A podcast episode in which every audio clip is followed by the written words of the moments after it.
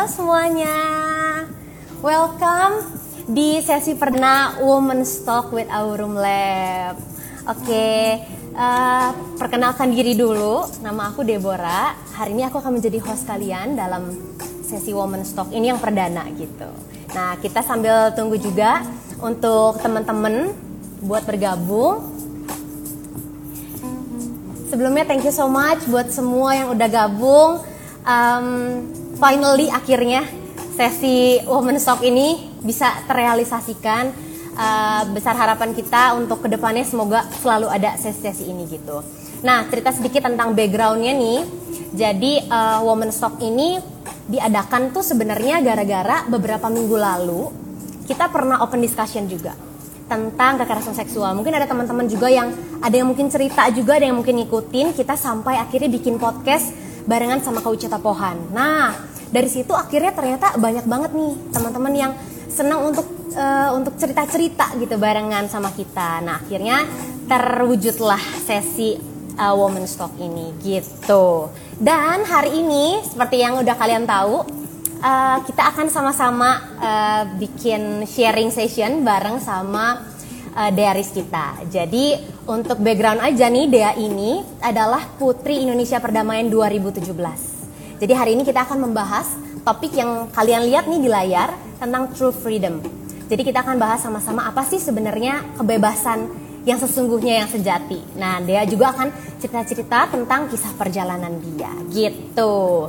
Nah, kita lihat tadi Dea udah masuk ya. Oke, kita langsung aja ya live bareng Dea. Hai Dea. Hai. Hai, how are you?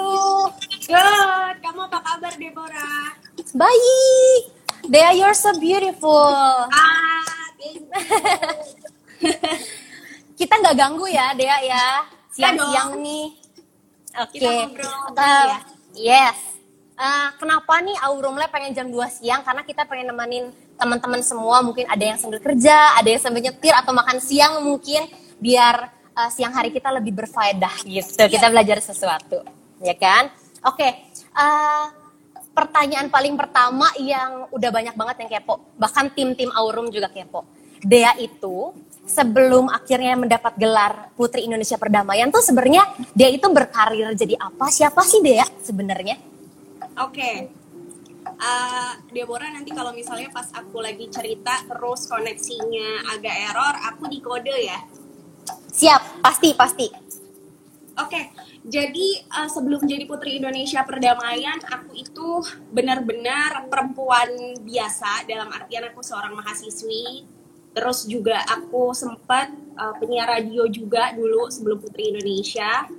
Terus uh, pokoknya aku berkutat di daerahku deh pada saat itu. Kebetulan aku dari Semarang kan, Deborah. Jadi aktivitas hmm. banyak seperti layaknya teman-teman mahasiswi gitu ya. Kuliah, terus kita kerja juga, aku siaran juga waktu itu. Itu sih seputar kegiatan aku sebelum Putri Indonesia. Oke. Nah, uh, kenapa sih dia waktu itu memutuskan untuk akhirnya join di ajang kompetisi Putri Indonesia? sebenarnya Deborah ini yang lucu banget karena mm -hmm. aku itu udah pengen jadi putri Indonesia dari umur sekitar 12 tahunan. Oke, okay, wow. Jadi waktu SD itu ngelihat uh, apa sih kayak pemilihan putri Indonesia di televisi. Mm -hmm. Terus aku bilang sama mama aku waktu itu Deborah kayak, mm. "Mah, uh, someday aku harus ada di panggung itu." Gitu. Wow Terus mama It's from a dream ya. Yes. Terus mama okay. aku dengan dengan entengnya beliau bilang, "Ya udah kamu harus belajar yang benar," gitu katanya. Hmm. Hmm. Jadi dari ya, situlah muncul keinginan ya. Yes, sampai uh, dulu sih pengennya jadi princess aja Deborah. Dada-dada. Okay. Gitu. Dulu waktu kecil mikirnya Dada -dada. begitu kan. Hmm. Pakai mahkota, pakai baju bagus gitu.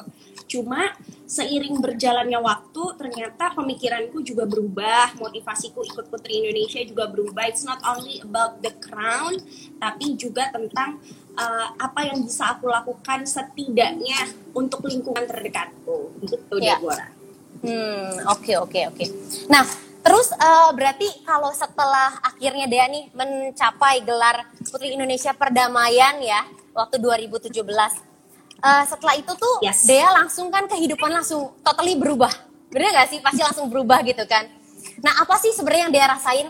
Maksudnya lebih ke arah uh, senang atau lebih ke oh ternyata ada kebebasan yang mungkin terenggut gitu hilang atau atau gimana sih perasaan Dea?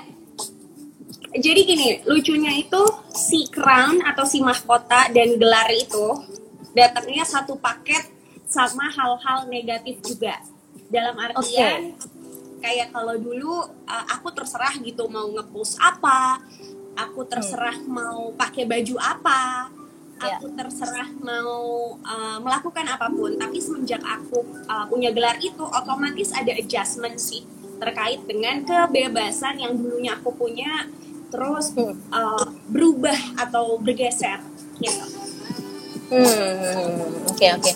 Nah, uh, uh, kalau aku aku nggak tahu ya maksudnya kita kita semua orang awam nih. Kan yes. biasanya notabene ya kalau orang abis ikut dari kontes kayak kecantikan gitu pasti kan kayak goalnya ujung-ujungnya model, artis gitu kan. Nah, tapi kita semua tahu nih Dea tuh nggak ke arah sana nih. Uh, tapi sebenarnya apakah ada kewajiban kalau uh, udah keluar dari kontes kecantikan itu harus jadi artis atau model? Oke, okay. Ini menarik banget Deborah. Karena banyak orang yang mikir kalau misalnya selesai dari ajang kecantikan, itu ujung-ujungnya akan jadi artis atau jadi model atau jadi uh, orang yang berkecimpung di dunia hiburan. Hmm. Karena emang alumni-alumni kita tuh banyak banget yang seperti itu. Hmm jadi kalau mau sebut nama ada Nadine Chandrawinata, yes. ada Alia Rohali, ada Artika Sari Devi, masih banyak lagi hmm. gitu ya. Tapi yang mungkin Deborah juga nggak tahu adalah aku sempat Deborah terjun ke dunia hiburan di tahun okay. 2018 dengan uh, apa sih jadi kayak pada saat itu kan banyak peluang terbuka nih selesai Putri hmm. Indonesia hmm jadi aku nih kayak milih nih pengen uh, nyoba yang mana ya gitu mm. Sampai akhirnya aku beraniin diri buat ah, coba deh uh, kita ke dunia acting. Jadi pada saat itu aku sempat punya program di salah satu stasiun TV lama juga setahun uh, untuk nyoba sebenarnya cocok nggak sih aku di sini gitu. Dan pada akhirnya ternyata seiring jalannya waktu nih Deborah uh, kita udah aku udah bisa mulai nentuin mana sih sebenarnya pilihanku mana yang bukan pilihanku. Tapi itu hmm, seiring hmm. jalannya waktu. Gitu. Hmm, oke. Okay. nah berarti sekarang kan uh, aku aku ngeliatnya dari bio nih dari bio Instagram media itu kan ada tulisannya communication practitioner gitu kan. Uh, itu tuh maksudnya dia memilih karir itu tuh berarti karena uh, waktu pas masa setahun itu tuh yang nyoba di dunia entertain akhirnya ketemu passionnya atau dari sebelumnya dari dulu sebelum ikut ajang foto Indonesia memang udah seneng ke arah sana? Jadi dulu waktu sebelum Putri Indonesia kan aku udah mention aku sempat siaran ya Dep. Nah aku dulu seneng banget lah uh, kerja as uh, penyiar radio gitu ya. Hmm. Terus lama kelamaan setelah ikut Putri Indonesia, terus juga uh, setelah terjun di dunia hiburan itu makin diasah hmm. lagi tuh uh, skill okay. public skill aku. Hmm. Terus aku ngerasa di waktu aku memilih jalur uh, dunia hiburan itu aku nggak sehappy ketika aku ngajar atau ketika aku ngomong. Jadi uh, kalau dibilang butuh keberanian, jelas aku butuh keberanian banget deh waktu itu. Hmm nentuin gitu kira-kira gue mau yang mana karena nggak bisa dua-duanya yeah. posisinya pada saat itu gitu oke oke oke oke nah berarti sekarang Dea udah settle nih berarti nih udah bulat nih uh, mimpinya untuk jadi communication practitioner berarti ya yes yes oke okay. nah uh, aku sempat kepoin juga Dea bersama calon suami. By the way, congratulations. Sebentar lagi akan menikah. Sukses terus sampai hari H. Pokoknya bahagia selalu ya mumpung hari ini bisa ngucapin nih jadi kan kita langsung ngucapin Thank gitu you. nah ya um, suami sendiri eh, calon suami sendiri bekerjanya di bidang yang sama ya Dea ya uh, jadi kalau boleh flashback sedikit aku ketemu sama calon suami aku itu di uh, apa event yang dibikin sama kantornya suamiku. Oke. Jadi suami aku punya company uh, yang bergerak di bidang media, terus dia ngundang aku sebagai salah satu narasumbernya, which is dua tahun lalu, dan kita kenal di situ. Nah, emang bener sih mirip-mirip bidangnya, terus juga uh, yang nggak terlalu beda jauh, sampai akhirnya aku Hmm. merasa oh enak nih bisa jadi kalau misalnya aku ada apa-apa gitu aku tanya ke dia dia pasti akan bantuin gitu Hmm, oke Oke. oke oke. Hmm. Nah, eh, berangkat nih topiknya ke lebih serius lagi setelah dunia nanti menikah. Ada nggak sih, Dea, maksudnya eh, dari calon suami Dea sendiri kayak batasan nanti kalau udah menikah, kamu jangan kerja lagi ya, ibu rumah tangga full time atau gimana sih? jadi aku alhamdulillah puji Tuhan banget aku dapat calon suami yang emang fully support dan ngerti aku dari dari apa ya dari awal kita kenal dia udah ngerti banget lah karena Hmm. uh, aku pribadi jujur nggak dilarang apa pun terutama di bidang kerjaan nggak dilarang sama sekali. Dalam artian kita punya prinsip kita berdua itu tuh kayak eh, mendampingi. Jadi kita kayak sejajar gitu. Bukan aku di belakang atau bukan aku di depan. Jadi kita kayak berjalan beriringan aja. Nanti kalau misalnya Yes. ada waktunya aku udah mulai belok belok belok dia akan tarik. Begitu juga sebaliknya gitu sih. Jadi seneng banget aku dapat calon suami yang support karena pengalaman aku aku juga pernah dulu uh, mungkin teman-teman di sini yang Hmm. nonton juga pengalaman ya dilarang-larang sama pasangannya gitu aku juga Ya. pernah dulu di posisi kayak gitu deh Hmm. dan nggak Hmm. enak banget jujur nggak enak Betul betul. dan aku kerasanya kayaknya mesti diri aku sendiri dulu deh yang aku pentingin dalam arti Yes, aku juga exactly. Ya aku juga harus kayak uh, mikirin diri aku dulu gitu baru Ya. aku mikirin orang lain nah Betul. untungnya sama yang sekarang aku disupport banget Yeay. Oke. Nah, Dea masuk ke topik eh, tentang kebebasan gitu ya. Kalau Ya. Dea sendiri nih, maksudnya walaupun sekarang eh, Dea udah udah udah jadi seorang yang communication practitioner nih, udah bukan lagi orang yang entertain gitu ya. Maksudnya kan kalau entertain kan ya kita semua tahu lah, kayak semua mata, semua media tuh tertuju banget gitu kan sama. Nah kalau di posisi Dea sekarang, Dea masih ngerasa nggak sih maksudnya dari masyarakat sendiri masih banyak nggak sih justru gara-gara masyarakat membuat Dea tuh jadi nggak bebas gitu hidupnya. Either stigma masyarakat or stereotype masyarakat gitu. kalau dulu waktu zaman Putri Indonesia itu kerasa banget deh dalam arti kata beneran aku uh, kok lu gitu sih? Lu kan Putri Indonesia. Ah, kok ini gitu sih? Kan lu Putri Indonesia gitu ya. Iya, Dan iya. lain-lain. nah kalau sekarang uh, setelah memberanikan diri memilih jalur yang sekarang sekarang pun jadi jauh lebih apa ya? Jauh lebih uh, senang aja dalam artian nggak ada lagi stigma-stigma atau stereotip yang dibikin sama masyarakat terkait Hmm. dengan pilihan pekerjaan aku tapi uh, ya aku juga tidak memungkiri aku pun harus tetap uh, apa ya bertanggung jawab atas segala tindakan yang aku lakukan karena Ya. bagaimanapun uh, putri Indonesia itu tuh nggak ada mantan deh Hmm. Kayak melekat seumur hidup kali ya. Yes, Ya. melekat seumur hidup. Jadi sebisa mungkin si gelar itu pun dipakai untuk apa ya? Untuk magerin aja supaya nggak ke mana-mana. Hmm, Gitu. iya iya. iya. Eh, ngomong-ngomong tentang kayak stereo- stereotype nih ya dia. Kemarin kan eh, Aurum Lab abis open discussion tuh di IG story kan sama followersnya Aurum Lab gitu. Dan eh, banyak banget nih cerita-cerita ternyata gitu. Kayak dari voting, memang mungkin kita perempuan ngerasa enggak kok aku nggak terkekang. Toh aku masih bisa kayak pergi ke mana gitu, bawa mobil sendiri gitu. Tapi sebenarnya justru kita tuh tidak bebas bukan karena hal-hal tersebut tapi karena kita tuh terkurung sama ya stereotip masyarakat itu gitu. Nah, ada satu satu cerita menarik banget nih, Dek. Apa? Aku aku aku sekalian bacain gitu ya. ini ini ini agak-agak polemik sih actually kemarin waktu di voting gitu kan. Uh, dia dia cerita gini. Uh, di lingkungan sekitar dia, dia tuh uh, jadi dia itu perempuan yang deketnya banyak sama teman laki-laki. Okay. Sebenarnya sewajarnya seperti kayak kita perempuan ngajak teman-teman perempuan kita untuk main ke rumah. Tapi kondisinya karena sekarang tuh temennya laki-laki semua nih menurut dia. Hmm. Jadi dia bawa tuh sering bawa teman laki-laki ke rumah dia. Nah akhirnya jadi sebuah isu gitu. Sampai jadi orang tuanya udah ngasih tahu bahwa jangan terlalu sering deh bawa temen cowok ke rumah kan nggak enak kata tetangga. Dan ternyata bener lama-lama tetangganya tuh sampai udah ngomongin dan sampai ngancem mau laporin ke Pak RT. Ini seru banget sih ceritanya gitu kan. Iya. Terus dia bilang, padahal keberadaan aku dan teman-teman sama sekali nggak mengganggu ataupun meresahkan masyarakat sekitar maksudnya. Terus dia akhirnya memilih untuk mengalah dan ya udah eh, untuk nggak untuk nggak menyikapi lah si tetangga itu gitu. Nah, terus kemarin waktu pas aku menanggapi eh, cerita itu, aku sampai bikin voting.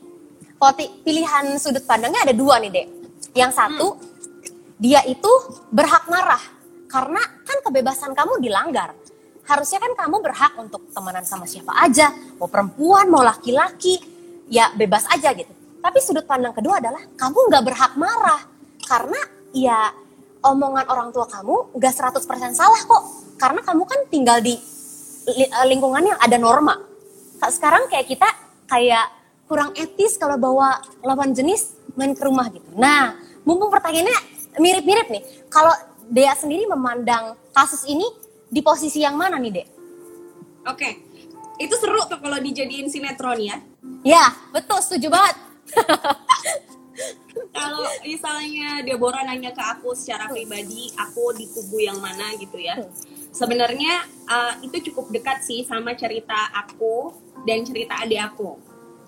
Jadi kalau boleh berbagi nih, uh, waktu di Semarang gitu, aku bersaudara nih sama-sama perempuan. Terus uh, adik aku dan aku itu juga terbiasa untuk mendingan ngajak teman main ke rumah daripada main di luar nggak tahu juntrungannya gitu. Nah, jadi kalau aku di posisi itu, tentunya aku akan tetap menjelaskan ke orang tuaku terkait dengan keputusan aku. Jadi Ya. Kayak misalnya kenapa sih aku bawa teman-teman ke rumah? Kenapa sih teman-teman aku nih banyak yang cowok gitu? Hmm. Kenapa sih kira-kira? Karena sebenarnya mungkin orang tua itu nggak tahu Ya. bukan bukan yang ngelarang tapi mereka nggak nggak nggak punya nggak Hmm. punya apa ya nggak punya pengetahuan terkait apa yang kita lakukan sih sebenarnya gitu. Once kita misalnya udah sharing sama orang tua terkait dengan ya kenapa sih aku bawa teman-teman ke rumah lalu positifnya apa sih kalau di rumah Ya. aku rasa mereka akan ngerti dan aku lebih milih untuk uh, yang aku ajak diskusi orang tua aja dalam Hmm. arti nggak usah Pak RT nggak usah Ya. Pak RT gitu ya Tetangga-tetangga kanan kiri ya, tante-tante om-om Iya. ya. It takes your energy juga gitu Iya, loh jadi betul, betul, mendingan yang terdekat aja nih karena kita kan kebetulan masih tinggal sama orang tua berarti mau nggak mau kita juga harus mengkomunikasikannya dong sama orang tua gitu Betul, betul, itu betul, jalan betul. tengah sih kalau menurut aku Iya, benar benar benar benar. Soalnya kalau dipikir-pikir ya, kita ngabisin energi buat ngejelasin sama orang lain, kenapa nggak kita pakai energinya untuk jelasin orang terdekat supaya mereka akan bantu kita untuk lindungi kita. Untuk Yes. lindungi kita dari omongan jelek orang. Untuk jadi maksudnya kalau kita udah jelasin ke orang tua, ya nanti mereka sendiri ngomong sama Pak RT, enggak kok Pak RT, anak saya enggak, bla bla bla gitu kali ya iya soalnya kadang kadang memang gini sih kita tuh terlalu males untuk cerita sama orang tua orang tua Yes. udah ngomel dikit kayak ah mama nggak ngerti deh udah deh diem aja deh itu ujung-ujungnya jadi kita makin kontra sama orang tua gitu padahal sebenarnya kalau mau dikomunikasiin semua pasti ada jalan tengahnya gitu Yes. kan Aku Benar, benar, benar, benar. Karena kita sebagai anak itu kadang-kadang kita tuh pakai ilmu pokoknya. hmm. Ya pokoknya aku maunya gini mah. nah Padahal kita tuh hanya perlu untuk kayak menjelaskan aja sebenarnya mau kita apa sih hmm. gitu. Mau Iya, kita iya, apa iya, sih? iya, Kenapa iya. sih kita milih itu gitu. Nah selama ini orang tua kan banyak nggak tahu karena jujur kita tuh gapnya kan cukup jauh ya sama orang tua. Orang kita sama teman aja tuh suka miskom. Hmm. kita sama sahabat aja suka miskom yang beda Iya. umurnya nggak jauh apalagi sama Hmm. orang tua gitu Iya. jadi uh, komunikasi itu kunci sih Hmm, betul betul betul betul. Oke. Nah, ini ini kita move di di cerita ber- eh, berikutnya nih ya. Ini masih Boleh. seputar orang tua nih, Dek. Ini Hmm. eh, menurut aku agak-agak tricky sih ngadepin orang tua kayak gini. Jadi dia bilang gini, eh, sekarang tuh dia hidup di titik eh, udah mapan secara finansial. Ini perempuan ya. Dia bilang, tapi walaupun udah mapan secara finansial, dia eh, sampai mau traveling ke mana juga tetap nggak bisa gitu. Terus bahkan orang tuanya menyuruh dia mengalokasikan semua tabungan dia untuk bikin hunian yang nanti ditempatin setelah menikah. Which is sebenarnya kalau dari sisi perempuan kayak em, apa ya kayak hunian tuh kan perempuan dan laki-laki ya bersama gitu kan. Lah ini kok perempuannya doang ya yang disuruh eh, nanggung gitu kan. Ini, ini udah udah aneh sih sebenarnya. Dan dia bilang eh, bener-bener ngerasa kayak robot berjalan dia bilang. Padahal dari SD, SMP, SMA orang tua orang tua tuh selalu yang nentuin dan selalu maksa dia untuk selalu berprestasi bahkan sampai jurusan di kuliah juga. Eh, dan dia harus lulus cum laude gitu. Sampai kerja pun dia sempat bertengkar karena orang tua tuh nggak ngebolehin dia eh, kerja di tempat yang jauh gitu dan itu tuh masih berjalan sampai sekarang gitu. Dan kalau aku ngeliat kayaknya mungkin dia anak tunggal kali ya. Biasanya orang tua yang kayak protektif banget apalagi dia bilang kan kerja nggak bertempat yang jauh mungkin karena orang tuanya sepian kah atau apa gitu. Nah, eh, sharing dong Kak Dea. Maksudnya tuh aku keceplosan ngomong Kak Dea padahal kita udah udah kita udah deal untuk ngomongnya nama aja gitu kan. Eh, ka- kasih kasih tips dong buat kita, maksudnya sebagai anak nih ya. Kita kayak harus kita, keluar tehnya loh in- eh, Sundanya. Kita tuh harus harus bagaimana ninanggepin orang tua yang seperti ini gitu. Oke. Nah, untuk teman-teman semua, untuk Deborah, ini aku beneran pure pendapat aku ya, dalam artian Hmm. background dari pengalaman aku pribadi, bagaimana aku Ya. dealing sama orang tuaku yang memang kebetulan Ya. uh, demokratis, gitu ya. Nah, Hmm. kalau masalah yang tadi, satu satu hal yang pasti ya, orang tua tuh terberi, ya nggak sih? Ibaratnya Tuhan ngasih kita tuh ya udah diatur siapa orang Ya. tuanya Ya, nggak bisa milih kita.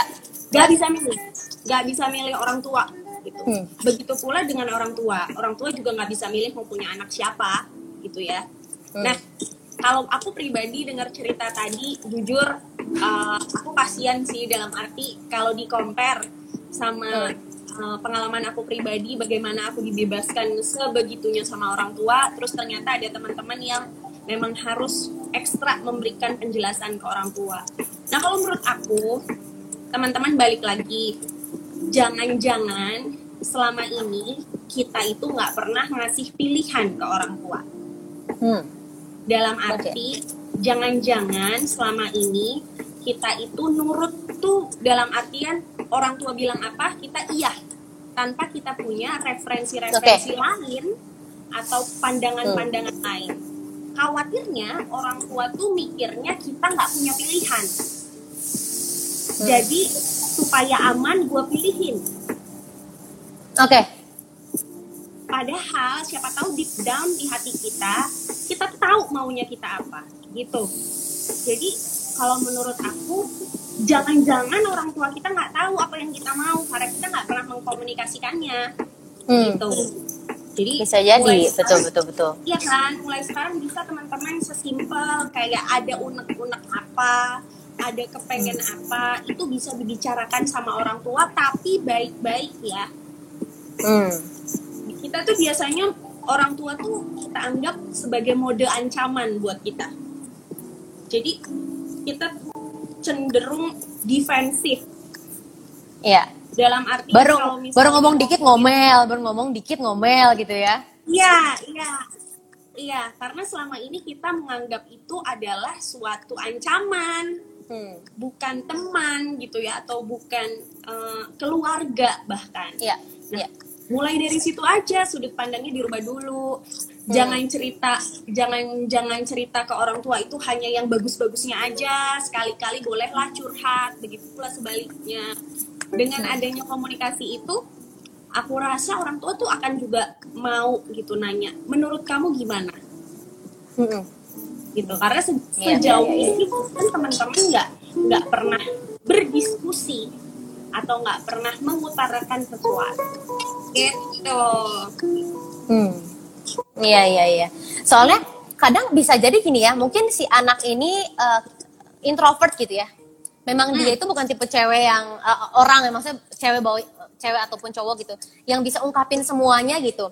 Dia uh, dikasih pilihan sama orang tua, seakan-akan dia setuju, bisa jadi. Padahal sebenarnya dalam hatinya kayak uh, gue nggak setuju banget gitu.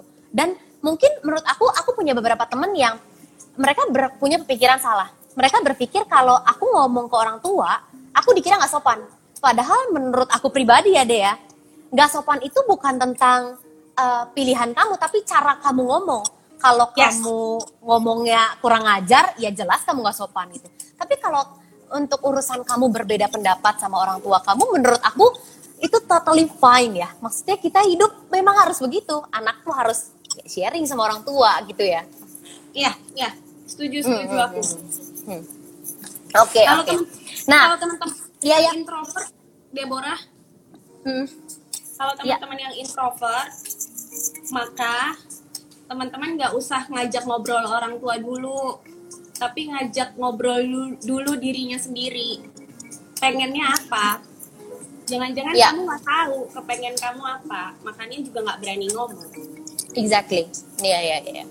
Uh, aku sendiri ya, Dek, padahal yes. aku ekstrovert gitu ya tapi kadang aku pun ada di posisi seperti itu kayak aku nggak setuju nih sama pilihan A yang orang tua kasih tapi aku juga nggak tahu aku tuh pengennya apa jadi kayak mungkin yang paling bener adalah step pertamanya harus tahu dulu diri kita maunya apa gitu ya. yes. ya betul very nice ya ya ya ya oke dek kita move ke uh, ini kali ya ke pertanyaan-pertanyaan dari uh, followers kita oke okay. oke okay ada pertanyaan dari retno.fitriana. Mbak, gimana dengan pendapat kalau rasa insecure perempuan cenderung berasal dari kaumnya sendiri? Maybe maksudnya dari sesama perempuan kali ya? Mm. Hmm. Gimana tuh? Sekarang tuh karena kita pun uh, perempuan-perempuan kadang bukannya saling support. Ya. Tapi kita perempuan-perempuan kayak dikondisikan untuk bersaing. Hmm. Dalam arti kayak misalnya uh, apa insecure itu kan datangnya dari kita membandingkan diri kita sama orang lain kan. Iya. Sedangkan kita membandingkan diri kita sama orang lain, sekarang media sosial pun bisa jadi platform untuk membandingkan diri kita sama orang lain. Betul. Nah, padahal belum tentu kondisi dia itu seperti yang dia tunjukin di media sosial ya. Iya, iya, iya dan emang konsepnya membandingkan diri itu kayak nggak boleh ke orang lain dalam artian ketika kita uh, ketika kita mau belajar bersyukur contohnya yang paling penting ketika kita mau belajar bersyukur adalah kita membandingkan diri kita sama kita yang di masa lalu contohnya wow. dulu kita uh, belum mahir nih uh, belum mahir masak yeah. misal sekarang udah hmm. berarti itu part yang harus yeah. disyukuri dulu yes. gue belum punya kerjaan sekarang gue udah punya kerjaan itu part yang harus disyukuri akan hmm. jadi jahat konsepnya ketika bersyukur itu kita ngebandingin keadaan kita sama keadaan orang lain ah exactly. untung gue untung gue badannya kurus gak kayak dia gendut nah salah kan Iya, iya, iya, iya, iya. Ya. Orang itu uh, punya apa ya? Punya punya punya polanya sendiri-sendiri. Dan itu pasti beda-beda satu sama lain. Gitu. Hmm. supaya nggak okay, insecure okay. konsep bersyukurnya pun harus dibenahi dulu. Betul betul. Mungkin lebih ke ya intinya berkaca ya. Maksudnya ya. kita jangan namanya kaca. Yang kita lihat depan kaca adalah diri kita. Kita nggak mungkin berkaca tapi ngelihat orang di seberang sana gitu kan. Kita lihat yes. diri kita. Yes. Aku setuju banget. Oke kita move ke pertanyaan selanjutnya boleh. Uh, tentang, oke, okay. ini ada dari Angki Lestari, Kak Dea. Apakah kita bisa bebas dari orang tua yang toksik? Gimana cara menegur orang tua yang toksik? Mungkin kayaknya harus disebut, harus agak dijelasin kali ya orang tua toksik tuh mungkin mungkin uh, lebih ke yang kayak yang tadi ya yang ngatur, yang ngekang, tapi mungkin berlebihan. Nah, kalau di ini sekarang pertanyaannya lebih ke gimana cara menegur Hmm. Jadi gini. Tuh kak? orang tua toksik ya emang terkadang setiap orang tua itu punya part toksiknya sendiri nggak semua orang tua itu baik-baik aja tapi kita harus ingat juga bahwa kita pun begitu kita juga ada part toksiknya kalau jalan Hmm. tengahnya dari aku nih teman-teman yang orang tuanya teman anggap toksik satu dari aku mereka itu terberi dalam arti Hmm. kita nggak bisa memilih orang tua kita harus terima Ya. dulu kita harus terima Yes. dulu segala kondisinya di mana orang tua kita itu seperti apa pasti setoksik toksiknya mereka itu pasti ada sisi positif yang bisa kita dapat karena dia orang tua Ya. kita Ya, tapi kalau misal mau dikomunikasikan bahasanya bukan menegur hmm, jadi kalau menurut aku ketika menegur itu konotasinya jadi eh, bukan lagi kita sejajar, tapi Iya, kita di iya. atasnya Di orang tua. atas. Hmm. Padahal kita harusnya mengkomunikasikan itu ke orang tua. Iya. Dan tiap Setuju. orang tua itu punya formula yang berbeda-beda. hmm, Dalam arti kata ketika misalnya kamu yang paham orang tua kamu siapa sih? Hmm. Kamu yang paham sifatnya seperti apa? Maka kamu yang tahu kira-kira timing yang tepat buat ngobrol nih di mana ya? ya. Timing Mungkin bisa sambil bawa makanan kali ya, atau sambil dinner gitu kan, jangan lagi Yes. marah-marah, macet-macet di mobil terus ngomongin hal serius ya jelas marah gitu ya. Yes, yes. Karena selama ini aku pun belajar ya. Aku juga kadang-kadang kalau lagi marah sama mama atau sama papa, aku langsung diomongin di tempat gitu. Tanpa Hmm. memikirkan adanya waktu, kira-kira gue gimana ya ngomongnya. Akhirnya Iya. kebawa emosi, dua-duanya Hmm. jadi panas gitu. Hmm. Kalau saran aku pribadi, coba cari timing yang tepat ketika misalnya mau mengkomunikasikan sama orang tua. Pastikan mood kamu dan mood orang tua dalam keadaan yang enak. Jadi jatuhnya itu ngobrol. Ya, Bukan, uh, bukan negur. Menegur, Bukan ya. marah. betul. Oke, oke, oke. Setuju sih, setuju banget. Apalagi kita-kita, maksudnya kan ada tipe orang yang memang reaktif ya.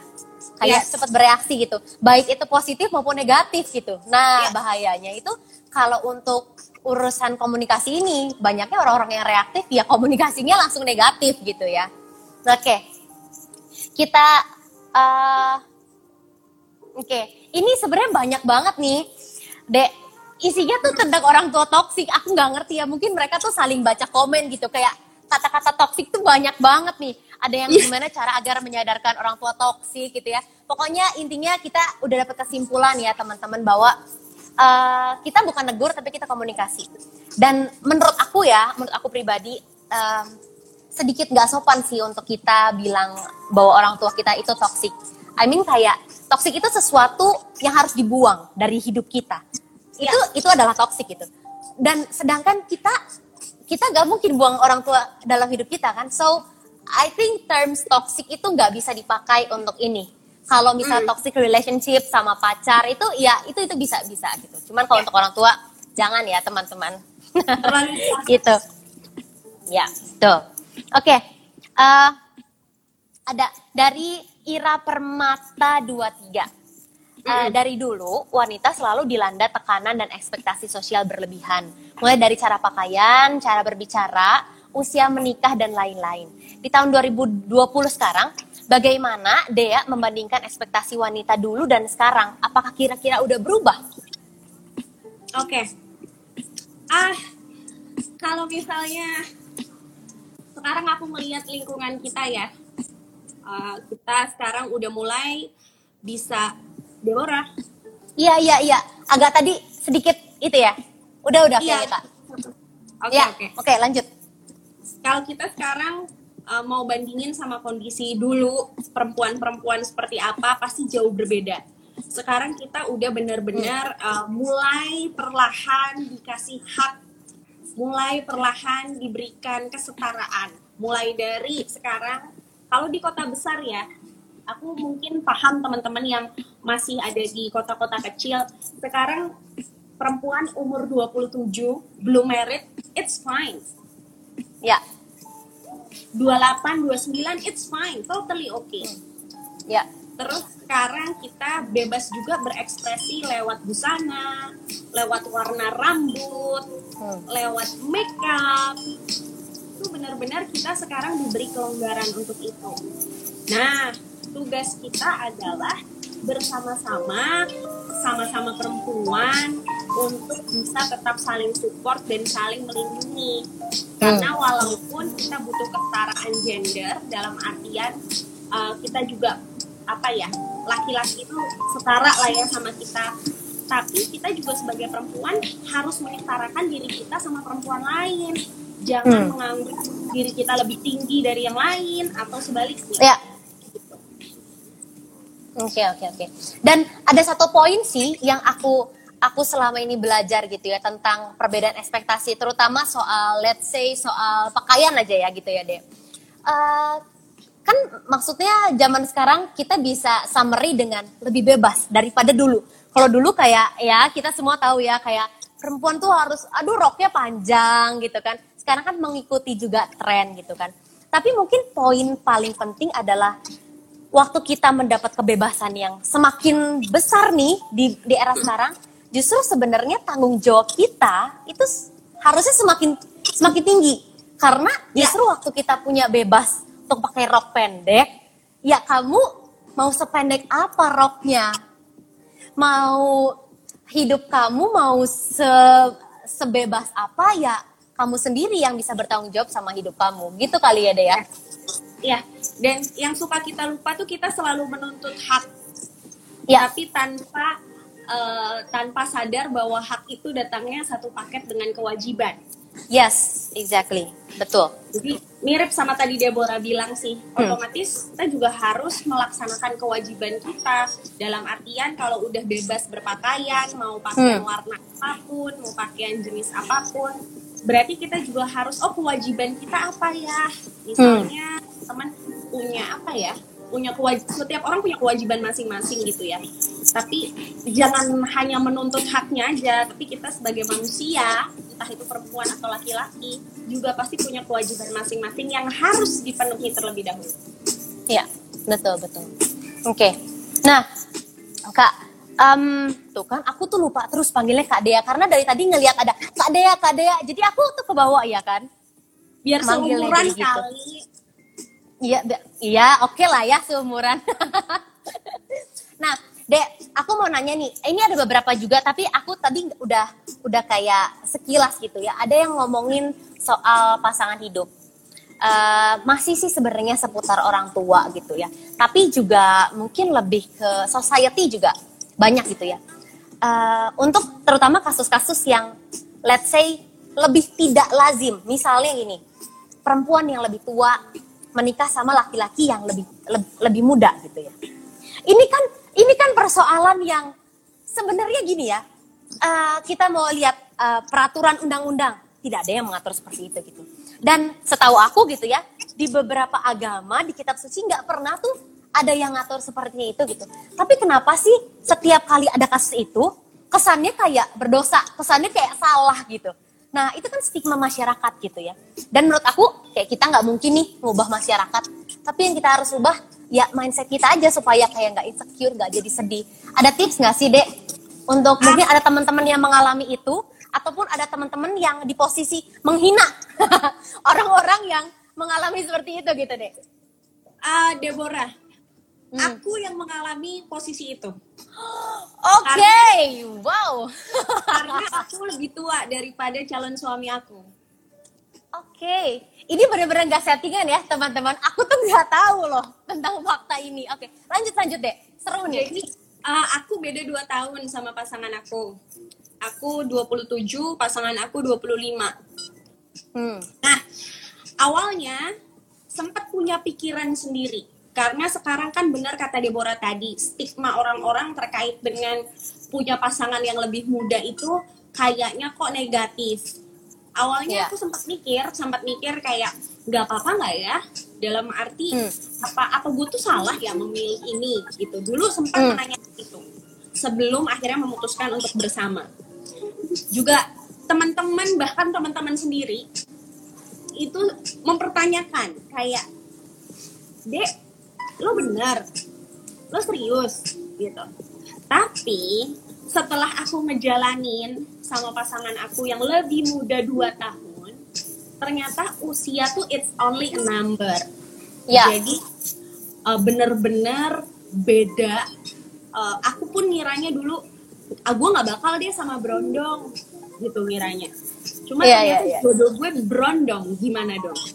Nah si itu hanya angka bukan patokan tolak ukur dari kedewasaan jadi kalau Yes. menurut aku kalau misalnya teman-teman nih punya pasangan yang lebih muda, terutama teman-teman perempuan ya, punya pasangan yang lebih muda, as long as you love him, yang nggak masalah.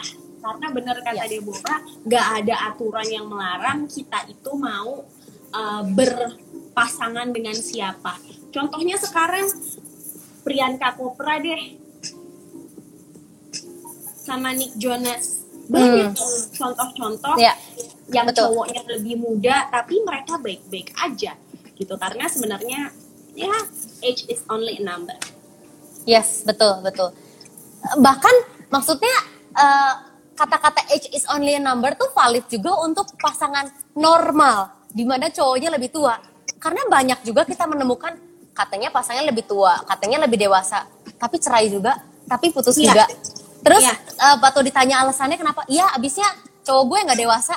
Lah katanya em, cari yang lebih tua gitu sih. Berarti kan itu benar-benar nggak valid ya nggak valid bahwa memang betul-betul age is just a number, nggak menentukan kedewasaan.